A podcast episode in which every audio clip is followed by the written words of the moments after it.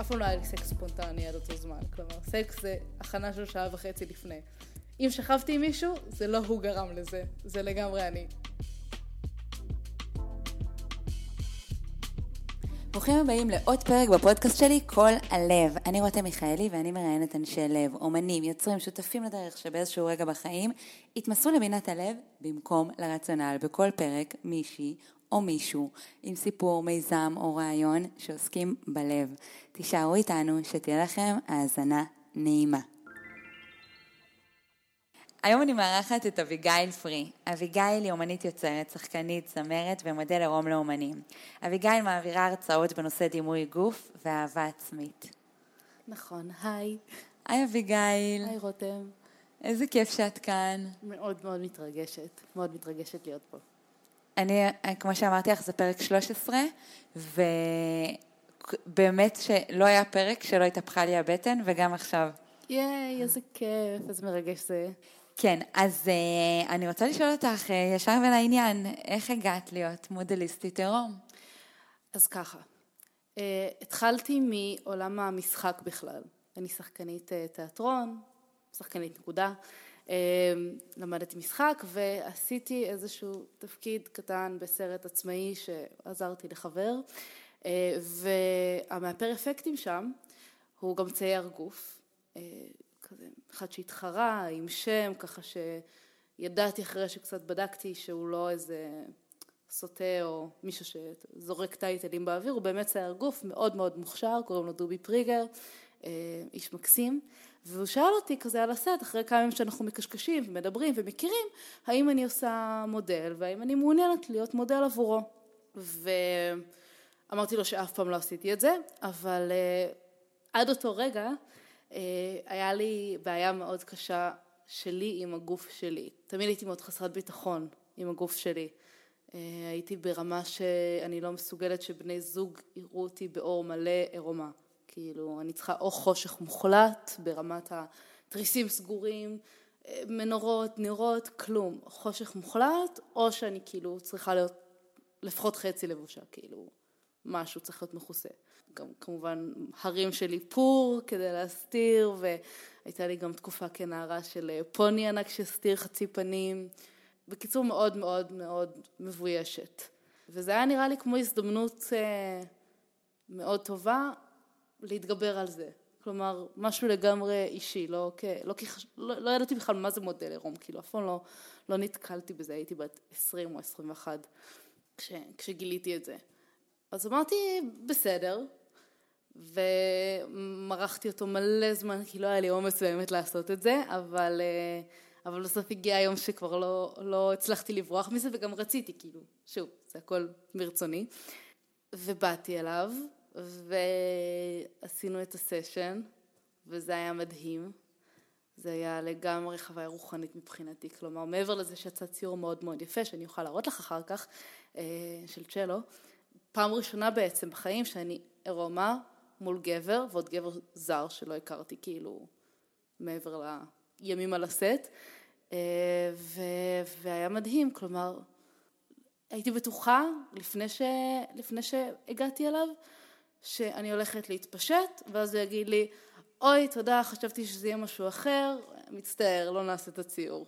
כאילו הייתי, הייתי משוכנעת שזאת תלך להיות התגובה שלו לגוף שלי, ואז הוא פשוט הגיב, וואי, יש לך גוף יפה, ובוא נתחיל לצייר, כאילו. ואז, ואז הוא צייר, ו, וזה היה מדהים, וכאילו, אין, אין מה להסתיר, כי, כי אי אפשר לכבות את האור, הוא צריך לראות, וזה היה מדהים, ואז המשכתי לעבוד איתו רק. רגע, יש לי שאלה, למה הוא ביקש דווקא ממך? Uh, אני חושבת שקודם כל הוא עובד עם המון מודליות, כלומר זה בן אדם עם המון שנות ניסיון, המון תחרויות, המון לא חושבת שזה היה משהו יותר מדי מיוחד בי, פשוט ספציפית על הסט, אה, אני אגיד את זה בצורה מאוד בוטה, בגלל התחת שלי, אה, אבל לא, לא מהסיבה הזאת, מהסיבה שהוא רוצה לצייר צ'לו, וצריך כאילו כימור מאוד גדול, כלומר טליה מאוד מסוימת, כדי לצייר את זה בצורה אידיאלית. לא, לא משהו אישי, כאילו, עליו, זה פשוט נטו לציור. מאוד מרגש. כן. בעצם שהיה לך גם את האומץ לעשות את זה, ו... כאילו איזה כיף שהייתה לך את ההזדמנות, כאילו זה נשמע מאוד מרפא. האמת שכן, זו ממש הזדמנות שמבחינתי היא הייתה רגע מכונן כזה, שאם לא הייתי עושה את זה, החיים שלי היו נראים כל כך שונה היום. כאילו, בת כמה היית? 20 או 21, משהו כזה. שזה לפני כמה שנים. היום אני בת 27, אז אז חמש עושה את זה שנים. כבר, כבר הרבה זמן, זה כן. לא משהו שהתחלת כזה... נכון, אבל. אה, אבל לא, זה לא אחרי, לא שמיד אחרי שהתחלתי איתו, ישר נכנסתי למקצוע. כלומר, קודם כל זה היה באמת תהליך מאוד אישי לרפא אותי. הוא בכלל לא ידע מזה, כלומר, לא, לא דיברתי מילה איתו על זה. בגיל 21, אני חושבת על זה, ל- ללכת ולעשות צעד כזה, זה מאוד מאוד אמיץ. כאילו צריך הרבה אה, ביטחון ו... וביצים. כאילו, אין דרך אחרת להגיד את זה. צריך ביצים כדי ללכת ולהתפשט ליד גבר, שאת יודעת, ש... שהוא אומן והוא עוסק בזה. נכון, האמת שכן, זה באמת מלחיץ, וגם זה באמת הלחיץ אותי, כלומר, זה לא ש... היום אני מדברת על זה נורא בקלילות, נורא בפתיחות, נורא בלי, בלי מטען רגשי יותר מדי כבד על זה, אבל באותו זמן זה היה... כלומר, הנסיעה לשם הייתה, הרגישה לי כמו שנתיים, זה, זה היה מאוד מלחיץ, זה היה מאוד מפחיד, גם הפחד שהוא באמת יראה את הגוף שלי ויגיד לא, הייתה ענקית, כאילו, וואו. אנשים לא מאמינים לזה, אנשים חושבים, מה, את נראית טוב, כאילו, מה, מה הבעיה? זה בעיניים שלכם, בעיניים שלי זה פחד תהומי, ו... ו... אני חושבת שזה דווקא טוב שזה קרה בגיל 21, כי זה גיל שעוד אין לך יותר מדי שכל. כלומר, לגמרי. היום, אחרי ש... בסדר, אני לא יותר מדי מבוגרת, אני לא יכולה לקרוא לעצמי מבוגרת, אבל יותר בוגרת. אה, אני לא יודעת אם היה לי את האומץ לעשות מהלך נועז כזה. אז לא באמת חשבתי יותר מדי, כלומר, זה, זה גיל, לא באמת חשבתי על מה אני עושה, פשוט עשיתי מלא דברים. התרוצצתי, עשיתי, פעלתי, הגעתי, הלכתי, עשיתי... לא, את לא חושבת על ההשלכות של מה הולך לקרות יום אחרי מה כן, שאת עושה. אבל ידעת להגיד שזה מפחיד אותך, שאת רוצה לעשות את זה בשביל להתמודד עם איזשהו פחד. לגמרי. שזה מאוד גבוה בגיל 21 להגיד, וואלה, אני רוצה להתמודד עם פחד שיש לי, והנה, יש לי פה הזדמנות, מישהו מציע לי פה הצעה, ואני אקח אותה בשביל להתמודד עם משהו שאני מאוד מאוד מפחדת ממנו. לגמרי, כן, זה, זה, זה לא משהו טבעי, אבל אני חושבת שזה גם נורא יושב על העובדה שהייתי כבר אחרי לימודי תיאטרון של שלוש שנים. למדתי תיאטרון בגיל מאוד צעיר, שזה סיפור לפודקאסט אחר, אבל uh, בתוך לימודי המשחק חוויתי המון מצבי התמודדות עם הגוף שלי.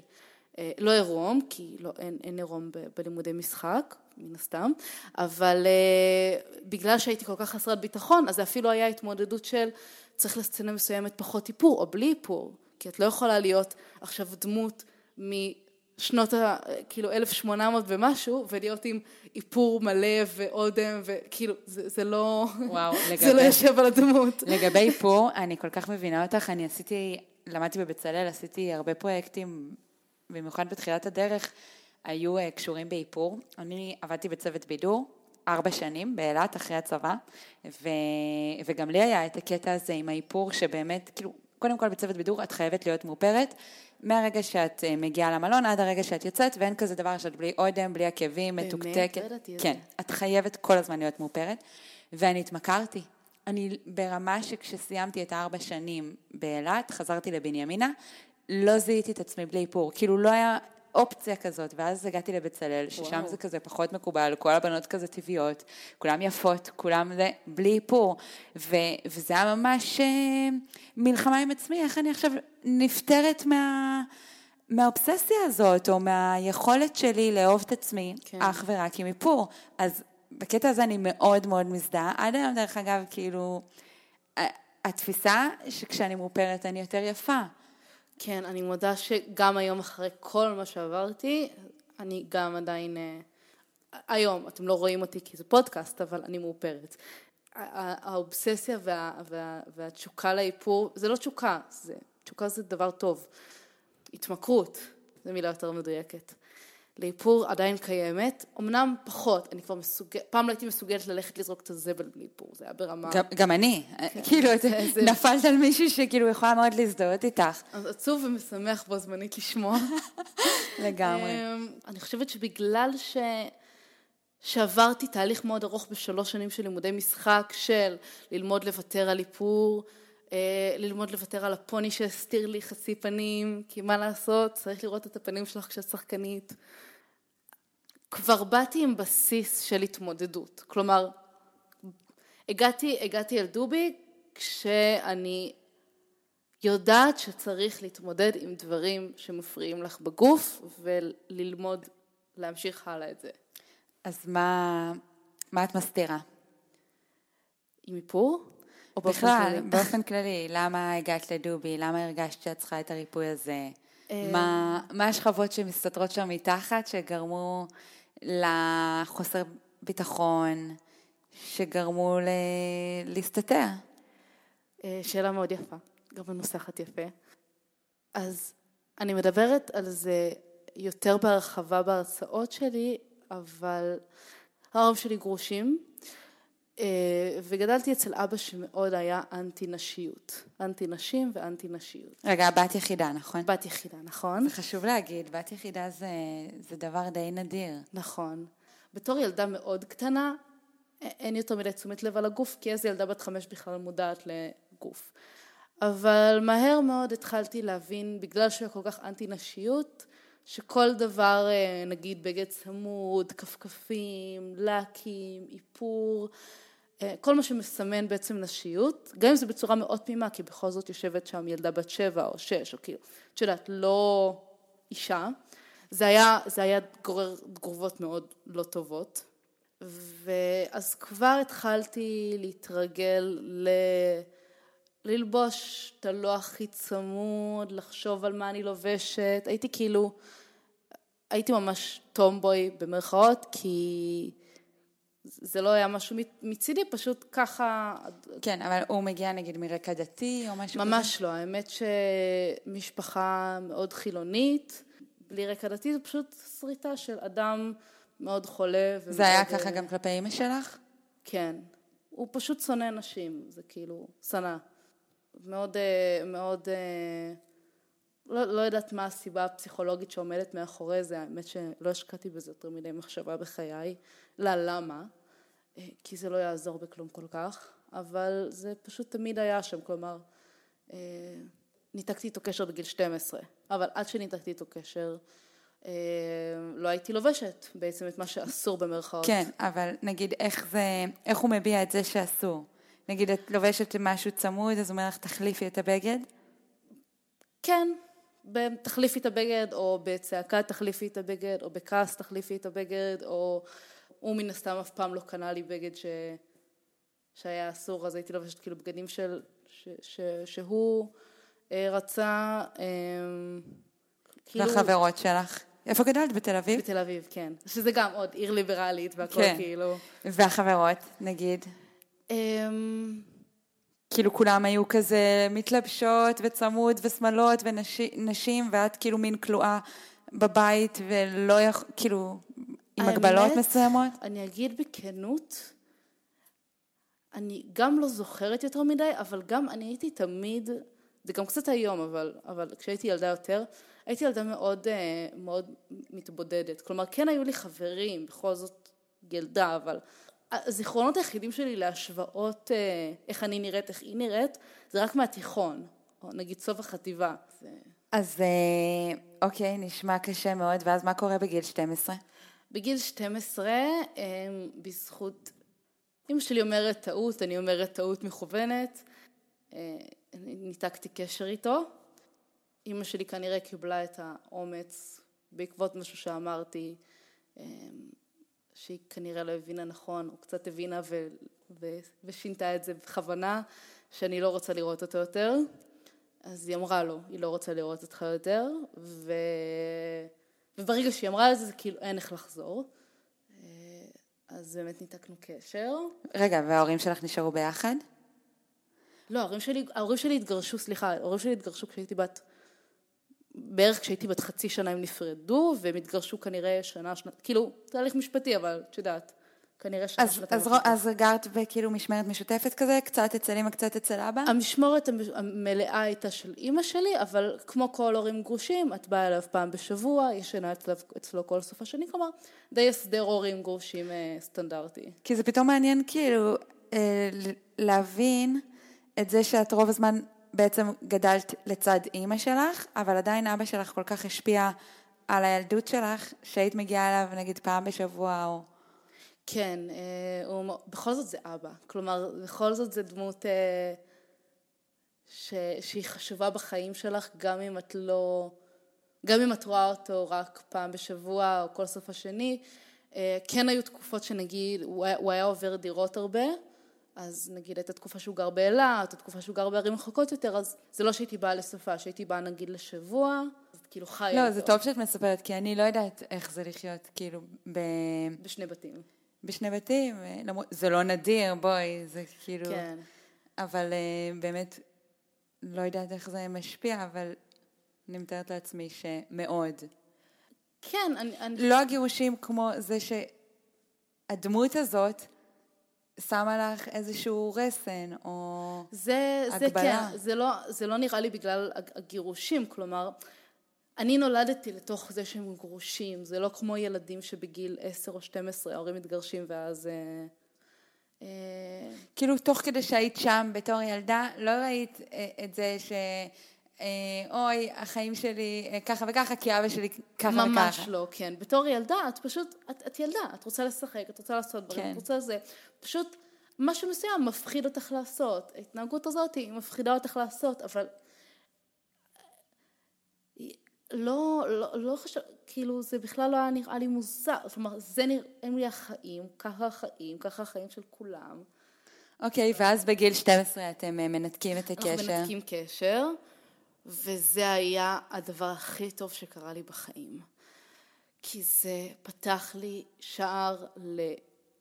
ל... לחיות בעצם. כאילו, התחלתי ללבוש בגדים רגילים, כאילו, לא יודעת, אני רואה, לקח לי זמן ללמוד שכאילו אם אני רואה חולצה שאני אוהבת בחנות, אז אני יכולה לקנות אותה. כלומר, אני לא צריכה לחשוב, חוץ מהאם היא יקרה או לא, אני לא צריכה לחשוב מעבר. ואימא, כאילו, עם אימא קשר טוב, וכאילו מאפשרת, ו... אימא שלי הבן אדם הכי מאפשר בעולם, אימא שלי היא ה- ההגדרה לליברליות. אה, איזה כאילו, כיף. מבחינתה שאני אתלבש איך שאני רוצה, מיניות, איך שאני רוצה, איך, איך שאני רוצה, כלומר, ברגע ש... שניתקתי איתה, אז, אז התחלתי להתלבש. לבת מצווה שלי כאילו לבשתי סקיני ג'ינס, זה היה, אמא שלי וואו. הייתה בהלם שזה, שאלה אותי כאילו מה את רוצה לי לבוש, והיא ציפתה שאני אגיד לה איזה שמלה יפה או איזה משהו פנסי כזה, ואני כזה skinny jeans. היה skinny באופנה? כן, זה נראה לי. בדיוק אז התחיל את האופנה, כאילו זה אז. היה כזה, בגלל זה גם רציתי את זה, כי זה כאילו היה כנראה האופנה. אוקיי, ואז אחרי, איך קראו לבן אדם הראשון שצייר אותך? דובי פריגר. דובי פריגר. כן. אה, אחרי דובי פריגר, מה, אז, אה, מה קורה?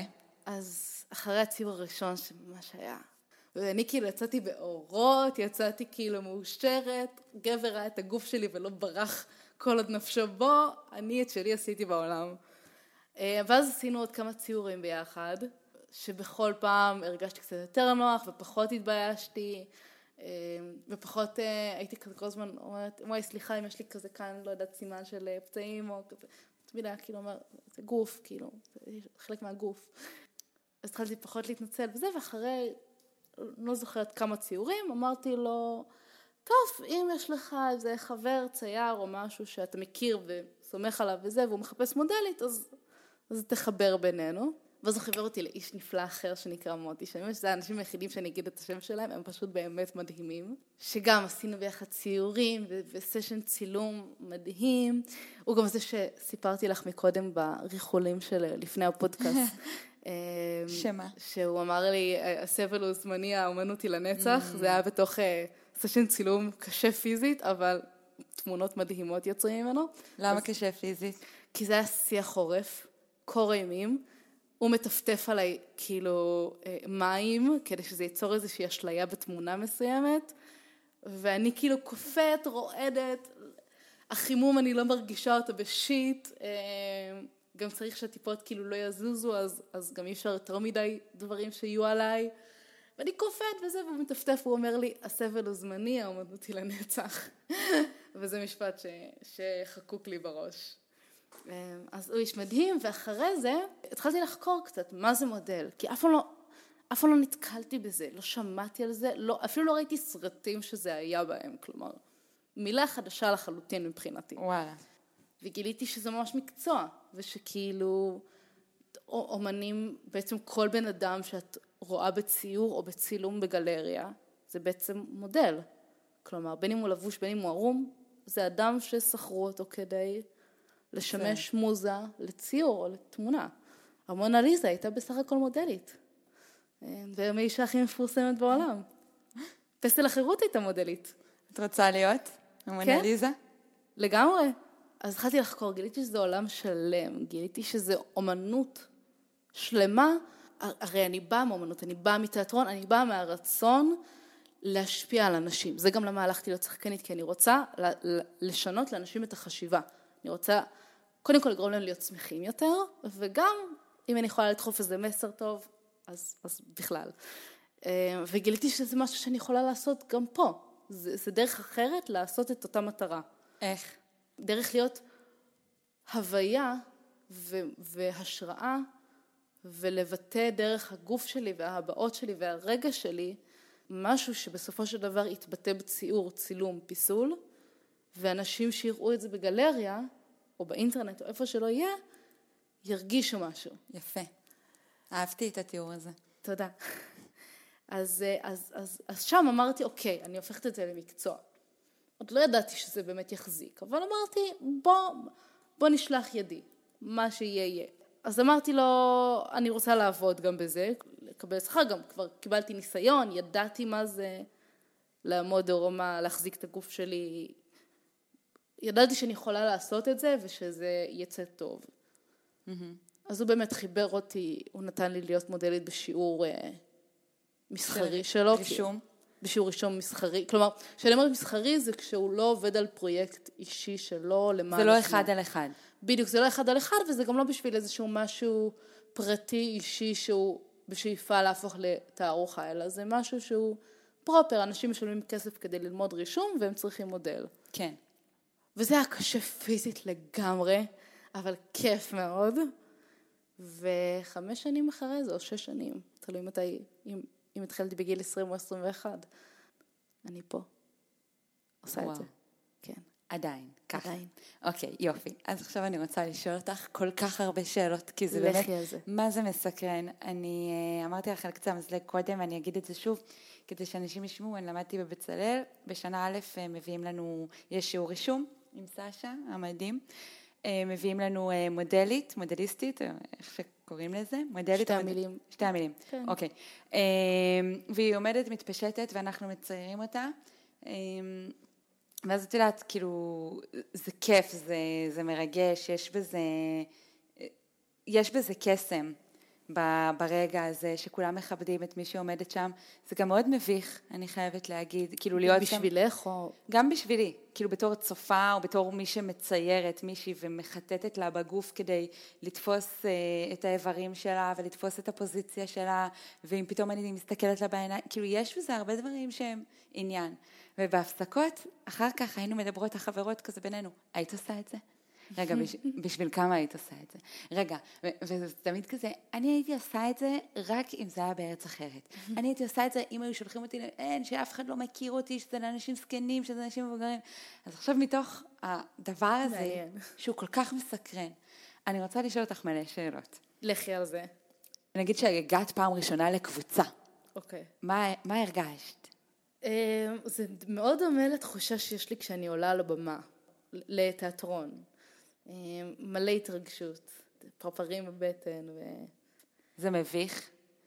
לא, אבל אני מסייגת את הלא הזה, כי כשהתחלתי לעבוד מול קבוצות, אה, הייתי מאוד מאוד מאוד מאוד מאוד מודעת.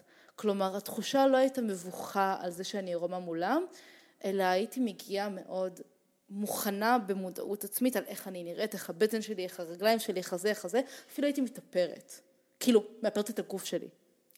וואלה. כן, מאוד fucked up. אה, לא, לא אמור להיות ככה. לא ללמוד ממני. אה, אבל הייתי מאפרת את הגוף שלי. יפה שאת אומרת את זה. תודה שאת אומרת את זה, תודה שאת משתפת את זה. באהבה גדולה, תלמדו ואל תעשו את זה בעצמכם. אה, הייתי מאפרת את עצמי, האמת, עוד אפילו לפני המודל. כלומר, עוד בשלב הבני זוג, כשאני לא מוכנה להיות עירומה באור, למרות שהם לא רואים אותי באור, אני עדיין מאופרת לכל הגוף, בכל הגוף, למקרה ואיכשהו יתפלק להם מבט על מקום מסוים ושהוא צריך להיראות מושלם, כי ככה התרגלתי מהמגזינים וכל זה, בכלל לא דיברנו על זה, שאני משוכנעת שעוד המון יכולים להתחבר, אה, שאת רואה דוגמניות ואת רואה איך בנות נראות ו, ולהם אין אקנה ורק לך יש אקנה ו... צלוליטיס. וצלוליטיס ו, ו, וגם כשאת גודלת קצת הסימני מתיחה וכאילו וזה דברים שבמרכאות מאוד גדולות, לבנות אחרות אין מבחינתך בראש שלך.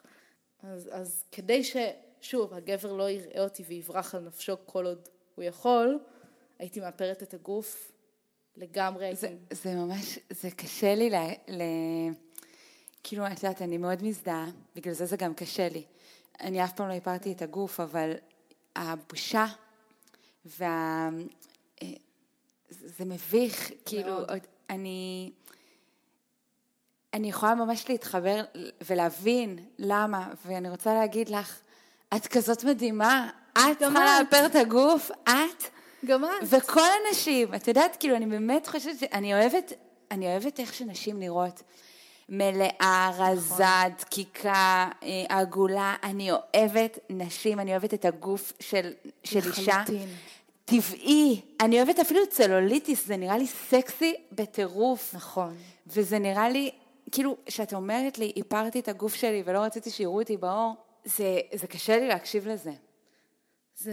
אבל אני גם מבינה, ונראה לי שבגלל זה זה כל כך קשה לי, כי אני כל כך מבינה את הבושה ואת הזה, שאני כאילו... אני, כן, זה, זה, זה קשה, וזה, וזה דפוק, וזה... ואז מה קורה? מתי את משחררת את זה? מתי את אומרת, אוקיי, אני כבר לא מאפרת הגוף?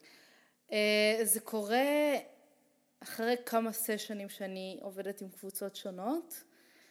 וכבר מתחילה די להתעייף מזה שאני צריכה להתארגן שעה וחצי לפני כל יציאה לסשן. גם לפני כל פעם שידעתי שאני הולכת לשכב. אף פעם לא היה לי סקס ספונטני עד אותו זמן. כלומר, סקס זה הכנה של שעה וחצי לפני. אם שכבתי עם מישהו, זה לא הוא גרם לזה, זה לגמרי אני. וואו. אמ, התחלתי להתעייף מזה.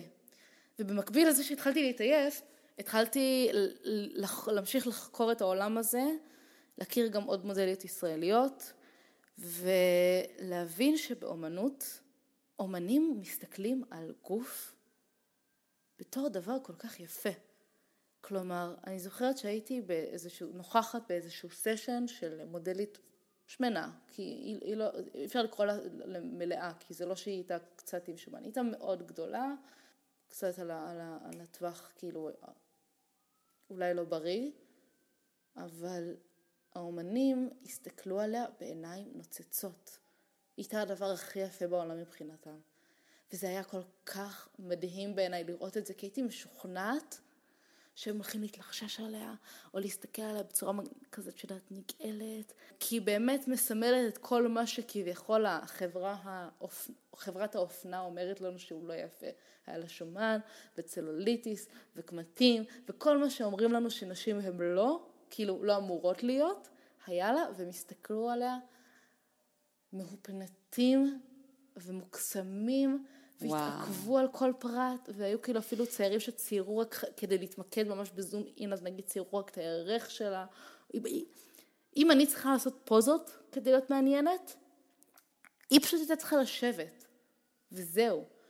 והבנתי שהם רואים כל מודלת ככה, מודלת מבוגרות, צעירות, קטנות, גדולות, גברים, נשים, שיער, לא שיער, הכל יפה, הכל פשוט יפה. אני ממש שמחה שאת אומרת את זה. כן. אז באמת, מה הקטע עם שיער נגיד?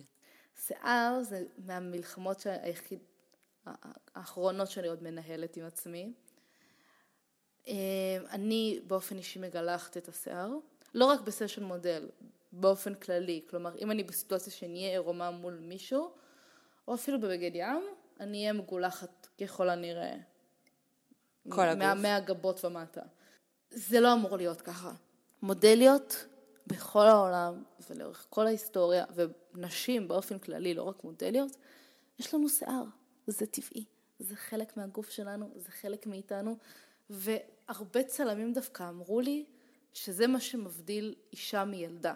היה צלם אחד שנורא רצה לצלם אותי, אבל לא היה חייב שיהיה לי שיער. כלומר, לא עכשיו התחלה שכזה לא גילחתי שלושה ימים ויש לי כזה זיפים, אלא שיער שיער. כי הוא אומר, אם אני מצלם מודלית בלי שיער, אני מרגיש שאני מצ... מצלם ילדה בת 12. כאילו, זה מרגיש לי פדופילי בראש. אני חייב אישה שהיא אישה, ולנשים יש שיער. נכון.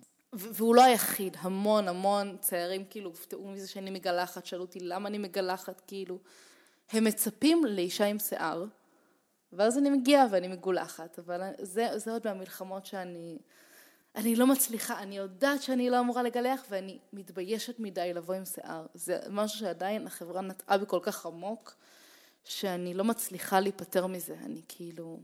אני מאחלת לך שבשם האומנות תצליחי. גם בשם, גם, ה... וגם בשם, בשם הטבעיות. עצמך, בשם עצמך. כן, גם בשם האומנות, אבל גם בא לי להיות במצב שאני מסוגלת לשכב עם מישהו ושיהיה לי שיער, וזה סבבה. למה זה בסדר שלא יהיה שיער ולי לא יהיה? לגמרי, כאילו, אני איתך. כמה זה הזוי שכאילו אנחנו, אנחנו לפחות... ברביות. כן, לפחות אלו מאיתנו ששוכבות עם גברים. למה? למה הם צריכים פשוט לצאת מהמקלחת כמו שהם ומוכנים, ואנחנו מגלחות ומורידות ומסדרות ו... כאילו, ומתאפרות וגבות לגמרי, והזרקות. כל כך הרבה דברים. לגמרי. בא לי גם להתקלח ולא לשים לב אם גילחתי או לא, ושזה ממש לא, לא ישנה כלום. את בדרך לשם. לאט לאט, כן, נגיע. אבל זה חשוב באמת לדבר על זה, כי... מאוד, זה נושא שלא מדברים עליו בכלל. כאילו זה... לא מדברים עליו מספיק, ו- וגם את יודעת, במיוחד, נגיד אני זוכרת במודל העירום שאני ציירתי, אה, זה היה הדבר שהכי היה לי כיף לצייר. ישר הייתי מציירת את השיער, ישר לקחת את הפחם, עושה גוש של צבע כזה. בפוט, בצ'כי, כאילו, מגניב, כן, אין כן. מה לעשות, זה, זה הטבע. נכון, וזה יפה, זה יפה. אני חושבת שלפני שאנחנו משכנעות אותם, אנחנו צריכות לשכנע את חד עצמנו. משמעית, חד משמעית. אמ, אז רציתי לשאול אותך על כל מיני סיטואציות אולי אה, שהיו לך, או איזה שהן חוויות שיצרו אצלך אולי אי נוחות או חציית גבול במסגרת הזאת של מודל עירום. אז uh, בהחלט היו, uh, בעיקר בתחילת הדרך, כשעוד לא לגמרי הכרתי את העולם הזה. הייתי מאוד ברת מזל שהפעם הראשונה שלי הייתה עם בן אדם מדהים כמו דובי, כי אני חושבת שאם זה היה עם בן אדם אחר, פחות אתי והוגן ממנו, כנראה שלא הייתי ממשיכה, אבל uh, לגמרי היה צייר אחד, צייר וצלם, והוא הוא רצה לעשות עליי ציור גוף ואז uh, לצלם את זה, ועכשיו לפניו עבדתי עם שני ציירי גוף מדהימים, אז לפניו עבדתי עם שני באמת ציירים מהמעלה הראשונה מבחינתי, אז אני יודעת איך ציור גוף עובד, אני יודעת איך זה אמור להתנהל, איך המגע אמור להתנהל, איך הכל אמור להתנהל. ציור גוף, אני אבהיר לאנשים שלא מכירים, זה שממש מציירים לך על הגוף, יוצרים ציור ואת הקנבס. בגלל זה גם חשוב הכימורים המסוימים, כלומר, מתאימים את הציור לצורת הגוף. אז אני יודעת איך הדברים האלה אמורים להתנהל. את שלא. ציירו עלייך, על הגוף שלך? עליי, עליי, אני אראה לך אז אני לא. הבנתי את זה. כן, בגלל זה הוא חיפש מישהי עם טליה מאוד רחבה והגן אה, רחב, אה, כדי שהוא יוכל לצייר בעצם את הצורה של כן. הכימור שיש לצ'לו. אוקיי, אז אני מחזירה אותך ברשותך עכשיו לתקרית הלא נעימה שהייתה לך, כן. עם הבן אדם השני. כן, אז הוא אמר לי, אני רוצה לעשות לך ציור ולצלם את זה. מדהים, עשיתי את זה כבר מלא פעמים, יודעת איך זה עובד. אבל אז אני שמה לב, שקודם כל, הוא, הוא טיפה, זה מהדברים האלה שאי אפשר להגיד אותם בצורה מדויקת, כי זה לא שהוא אמר מילה מסוימת או עשה תנועה מסוימת, אבל משהו ב vibe שלו היה כזה איכס. כאילו, מכירה את זה שאת נמצאת עם בן אדם והוא לא עושה משהו לא נכון, אבל האווירה שלו היא פשוט... מטרידה? כן. שמתי לב שהוא נגיד מצייר לי על הירך. עכשיו אני רגילה מדובי, ממוטי, גם מאמנים אחרים שעבדתי איתם בעתיד, כאילו, שאעבוד איתם בעתיד. אם מציירים לי על הירך, אז זה הגיוני שהוא יישען לי קצת על הירך, שהוא יניח את היד על הירך, כאילו, הוא מצייר כן. שם. כמו שאת מציירת על קנבס, את צריכה להשעין לפעמים את היד, נורמלי. אבל אצל הצייר המדובר, הוא היה מצייר לי על הירך, והיד שלו הייתה מגיעה לי למתחת לחזה. פחות, פחות מתאים, לא פחות לא נעים הגיוני. לך. כן, גם לא נעים באמת. אמרת לו משהו? אמרתי, כזה בהתחלה מאוד חלש כזה ו- ומתנצל, אבל שזה לא נעים לי.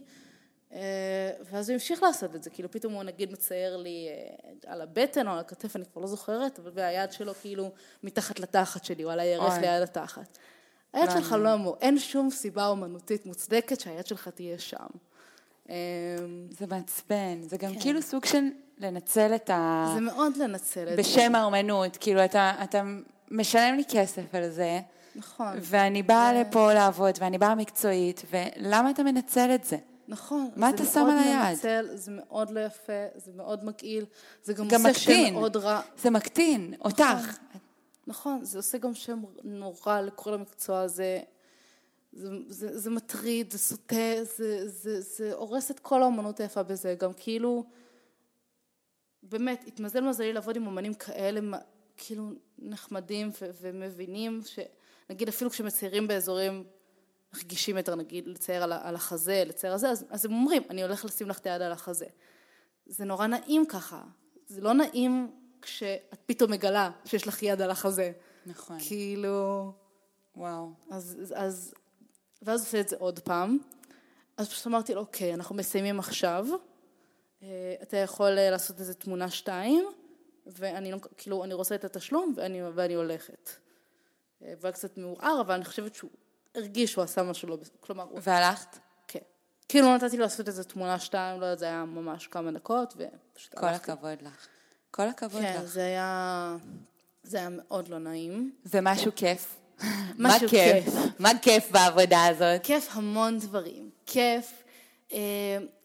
קודם כל, הדבר הכי כיף זה כשאני עובדת מול קבוצה או מול אמן, יש איזה מין אנרגיית יצירה ענקית שמתפרצת בתוך חדר שאת רואה את האנשים מציירים ונהנים ואת רואה ענני יצירתיות מעל הראשים של כולם וכל החדר מתמלא באנרגיה אימא'לה מדהימה ויפיפייה ו... ואני מקבלת גם לי זה כיף, יש מודליות שלא אוהבות את זה, אני מאוד אוהבת את זה. אני אוהבת שמחמיאים לי, אני פשוט אוהבת שמחמיאים לי בצורה שהיא הולמת. כלומר, לא לשים לי יד על התחת, אלא להגיד, וואי, גוף שלך יפה, החזה שלך יפה, תראי איך ציירתי אותך, איזה יפה יצאת. מחמאות כאלה, יש לך בטח מלא ציורים שלך, נכון? כן, יש גם תליתי הרבה מהם על הקיר, יש לי את קיר האהבה העצמית שלי. מדהים. כן. עוד שאלה שרציתי לשאול אותך, אה, את מגיעה למודל עירום כזה קבוצתי, נכון. ואז את מתפשטת, ואת צריכה להיות בפוזה, בפוזיציה. נכון. את מסתכלת לאנשים בעיניים? זה מאוד משתנה. יש קבוצות שאו שאני כבר מכירה אותן כי עבדתי איתן כמה פעמים, ואז אני מרגישה מאוד בנוח להסתכל בעיניים. יש קבוצות שמהפעם הראשונה נותנות לי כבר את הביטחון שזה בסדר מבחינתם. אה, יש פעמים שלא, אבל פשוט מהסיבה הטכנית של אני עכשיו הולכת להחזיק פה איזה רבע שעה, נראה לי זה too much לבהות למישהו בעיניים רבע שעה. אה, אבל לפעמים אני עושה פוזות קצרות, כזה של דקה, שתיים, שלוש, לגמרי, אני כאילו אצור קשר עם אנשים.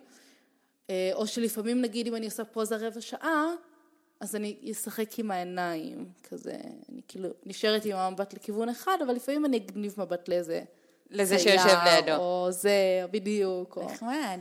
תשמעי, זה אחלה ריפוי, אה, באמת לבוא ממקום של להתבייש בגוף וזה, ואז לבוא ולעמוד בעירום מול קבוצה של 20-30 אנשים, להסתכל להם בעיניים תוך כדי, אה, להרגיש בנוח עם זה. כן. אה, זה דבר ענק. בגדול הזמן שלנו עומד להסתיים. אני בהלם. נכון, זה הדבר שהכי עובר מהר בעולם, שכחתי להגיד לך את זה בהתחלה. אה, שאלו אותי למה אני אומרת שהזמן הולך להסתיים, כאילו לפי מה אני קובעת. אז החלטתי, אני אומרת למאזינים, שהפרקים יהיו פחות משעה, כי אני יודעת שזה קצת אה, מעייף להקשיב שעה, אז אני מנסה לעמוד בזה. אז אני רק אשאל אותך כמה שאלות אחרונות שאני ממש לא אוכל להישאר, אה, לסיים את השיחה הזאת אם אני לא אשאל. נגיד את מרגישה שאת צריכה אה, לשמור על המשקל, לאכול פחות, להתאמן, לעשות כל מיני דברים כאלה בשביל להיות המודלית המושלמת? יש לך את זה? כאילו חוץ מאיפור ו... ממש בתחילת תחילת הדרך היה לי, אבל מהר מאוד אני הבנתי שמודלית עירום היא הכי יפה כשהיא טבעית. כן, אני צריכה להיות בריאה, כי אני רוצה לא למות מהר מאוד, אבל uh, המודלית האידיאלית בעולם, um, היא, היא כן, היא, היא, לא, היא לא שכיפית, היא לא שדופה, היא לא נראית כמו דוגמנית. היו עבודות שאשכרה סירבו לי כי הייתי רזה מדי, או כי הייתי יפה מדי, כאילו, לא, אני מודה ש, שלא, כי זה, הם אוהבים שיש לי קצת בטן, הם אוהבים שיש לי ריחיים, הם אוהבים שיש לי תחת, זה חלק מהסיבות שלוקחים אותי. הדברים היחידים שאני כן מקפידה עליהם, פיזית, אבל זה רק אני, כי אני קצת קיצונית בראש שלי, רוב המודליות לא עושות את זה. בגלל שאני עובדת הרבה עם צלמים, אה, כי ציור זה פחות משמעותי, כי אתה יכול לצייר נגיד קעקוע, אפשר לצייר קעקוע, אפשר לא לצייר אותו, mm-hmm. זה זה. בגלל שאני עובדת עם צלמים, אני מאוד מקפידה אה, שלא יהיו לי סימני שיזוף. Mm. מאוד מוזר לשמוע, אבל כן, אני המוזרה, שאם רואים אותי בים, אני עם גלביה. באמת? כן, וממש לא בגלל הבושה בגוף, נטו 100%, כי אני פשוט לא רוצה סימני שיזוף. וואו. כן, אז אני... קשה בתל אביב. את יודעת, מספיק שאת נוסעת באופניים. היום חיכיתי לאוטובוס. ישבתי בתחנה, הרגשתי שאני נשרפת. מה, את יוצאת עם גלביה? ככה ביום יום לא, למרות שלפעמים אני מתחרטת על זה, כי לפעמים נגיד אני הולכת עם גופייה, ואז יש לי סימן של גופייה, כי בכל זאת תל אביב עשר דקות בחוץ את כולך כאילו... חומה. חומה בדיוק. אמ, אבל אם אני נגיד יוצאת לטייל בטבע, או הולכת לים, או הולכת לכאילו מקום שאני יודעת שאני הולכת להיות עכשיו המון שעות בשמש, או חולצה, או חולצה כאילו שמספיק ארוכה כדי שהיא תמנע את עניין הפס, או אם זה בגד ים, אז יש לי גלביות ממש שבריריות ונוחות. וכאילו... זה גורם לך פשוט גם, באיזשהו אופן, אני מסתכלת על זה ככה, שאת אה, מכבדת את הגוף שלך. כאילו זאת העבודה שלך, נכון? כן. אבל כאילו העבודה שלך גורמת לך לכבד יותר את הגוף שלך. לגמרי, היא גורמת לי להיות מודעת אליו. אמ, בקטע, בקטע טוב לדעתי, כלומר, זה, זה חלק מהמקצועיות שלי, כי אני יודעת שצלם שראה את הפורטפוליו שלי, מצפה לבחורה, אני אגיד את זה בצורה מאוד בסיסית, בגוון עור מסוים, וזה הגיוני, כי יש צלמים שלפרויקט מסוים יעבדו עם כהות עור, ולפרויקט אחר יתאימו לו בהירות, ובאמצע, ו... אבל הוא, הוא יודע שהוא עומד לקבל מוצר מסוים, ומה לעשות, הגוף שלי זה המוצר. אני לא מוכרת כוסות או משהו וזה. אני, אני שומרת על השיער שלי כמו שרואים אותו. אם את מסתפרת, את צריכה לעדכן את הפורטפוליו שלך. בדיוק, אני אעדכן את הפורטפוליו שלי. אמ, רציתי לשאול אותך על תרבות העירום האירופאית. כן, אז אה, לפני שנה בערך התחלתי, הרגשתי שדי, לא מיציתי, אבל עשיתי המון בעולם העירום הישראלי, ואמרתי, יש עולם גדול יותר בחוץ. אז נסעתי לברלין, התחלתי לעבוד שם כמודלית, וגיליתי שהתרבות האירופאית לעירום מדהימה. ולא מדברת על עירום מיני, אני מדברת על עירום בצורה הכי קלאסית שלו. בהמון מדינות באירופה את יכולה לראות עירום במרחב הציבורי וזה לגמרי נורמלי. כלומר, זה לגמרי נורמלי, ישבתי באיזה בית קפה, שזה בית קפה... איפה? בברלין. Mm-hmm. בית קפה שילדים ומשפחות יכולים להיות בו, כאילו, והיו בו, ויש שם תמונה של אישה שהיא עם גופייה, והגופייה שלה כזה חצי קרועה, רואים חזה, רואים כאילו חזה אחד, ו-nobody cares. ועשיתי צילומים באחד מהסשנים שעשיתי בברלין, בשדה, וזה היה שדה בתוך שכונת מגורים.